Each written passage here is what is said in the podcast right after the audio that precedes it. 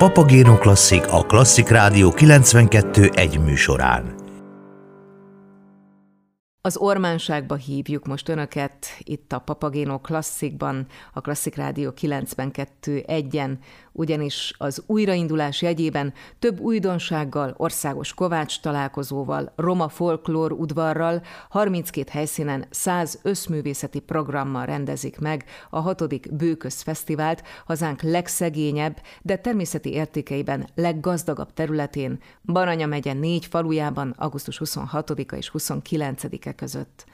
Az eseménysorozatot először 2016-ban rendezték meg. A célja, hogy minőségi fesztiválnak is helye legyen a fővárostól közel 280 kilométerre lévő határmenti mikrorégióban, a Bőközben. A Kémes, Szaporca, Tésenfa és Dráva Csehi, valamint a Duna-Dráva Nemzeti Park igazgatósága ős Dráva látogató központjának összművészeti rendezvényén több helyszín ad otthont három napon át a négy falu egyedi arculatára, értékeire, hagyományaira épülve az eseményeknek. A szaporcai hétöles tó színpadon fesztiváltörténeti eseményként a szombati főnapon az ország egyik legnépszerűbb előadója Rúzsa Magdi koncertezik.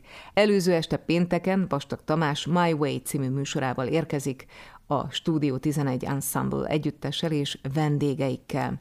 Ugyanezen a helyszínen fellép a Cinema Sense Trio, valamint a Kökényi Horvát Nemzetiségű Tánc Együttes. Sípos Ferencet, a Bőköz Fesztivál művészeti vezetőjét arról is kérdeztem, mit képvisel a Bőköz Fesztivál, mitől más, mitől több, mint a hagyományos nyári események. Igen, egy csodaszép természeti környezetben van ez a négy falu, ahol nagyon sok épített, szép épített környezet is található, illetve olyan emberi kapcsolatok és olyan emberek, akivel nagyon jó találkozni.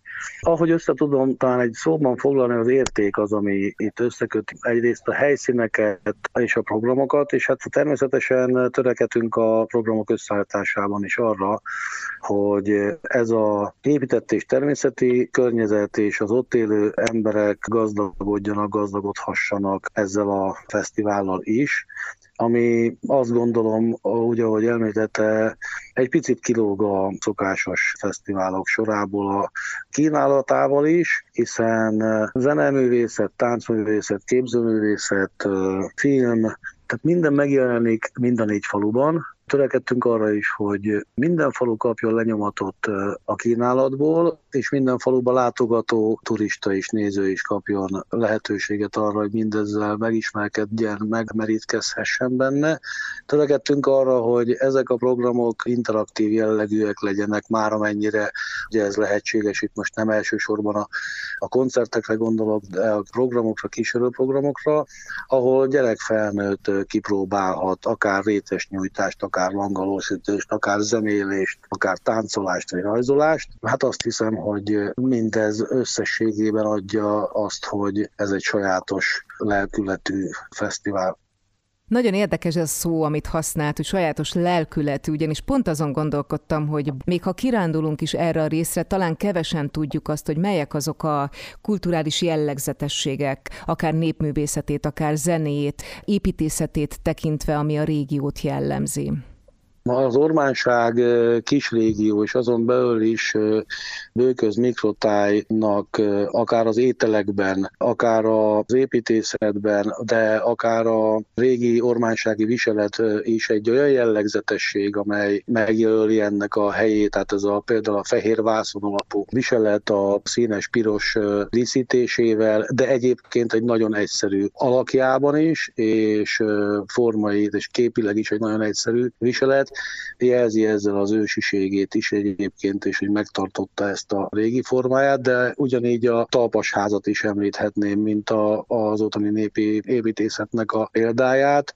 Örökség udvarban, a szaporcai tájházban most talpasház módjára egy templom makettet fognak majd építeni az ottani Hétölestő Egyesület egyik tagja irányításával az érdeklődők és a bátrak. Ugye zenéjében pedig az a fajta hatás hatás érvényesül, hogy a dráva túlsó oldalán magyarokon kívül ugye horvátok élnek, a Baranya megyei horvát nemzetiségi falvak itt vannak egy kődobásra, az egyik például műsort is ad majd pénteken a Kökényi Együttes, jellegzetes komplexitását adja a népművészetének, megőrizve egyébként az ősiségét is.